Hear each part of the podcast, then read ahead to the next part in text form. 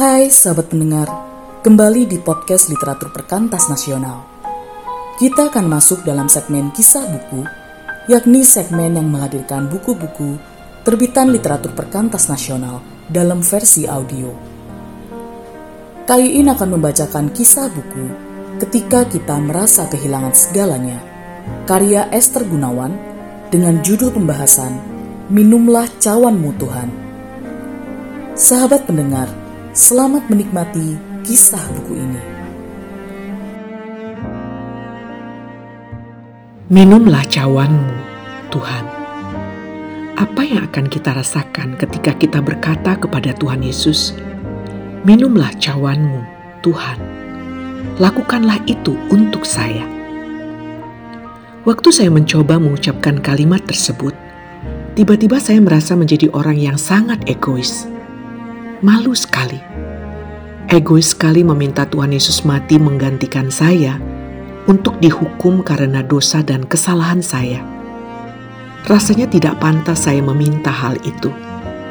Saya yang bersalah dan berdosa. Masa orang lain yang menanggungnya?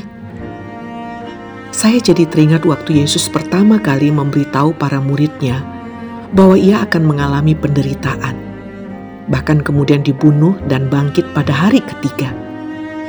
Pada saat itu Petrus berespon dengan spontan, menarik Yesus ke samping dan menegur dia, katanya, Tuhan, kiranya Allah menjauhkan hal itu.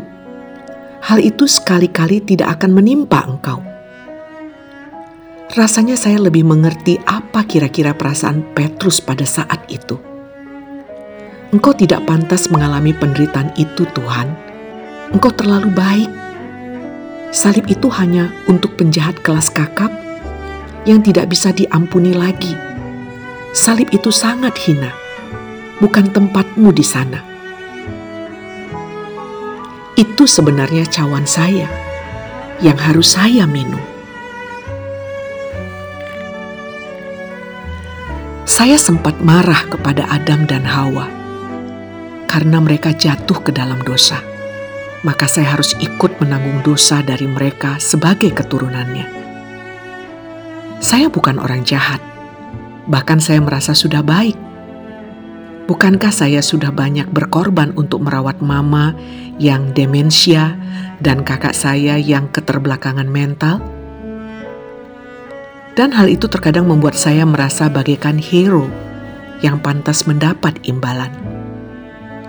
Tetapi ketika saya menjadi tidak sabar dan marah-marah berlebihan pada waktu mereka melakukan hal-hal yang tidak sesuai dengan harapan saya, saya menemukan diri saya tidak lebih baik dari mereka. Ternyata banyak juga dosa-dosa yang saya lakukan. Terkadang saya malu ketika ingat apa saja yang sudah saya lakukan, katakan, dan simpan di dalam hati.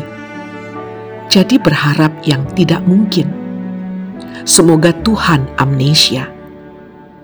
Ya, akhirnya saya mengakui memang saya pantas dihukum karena saya memang orang berdosa.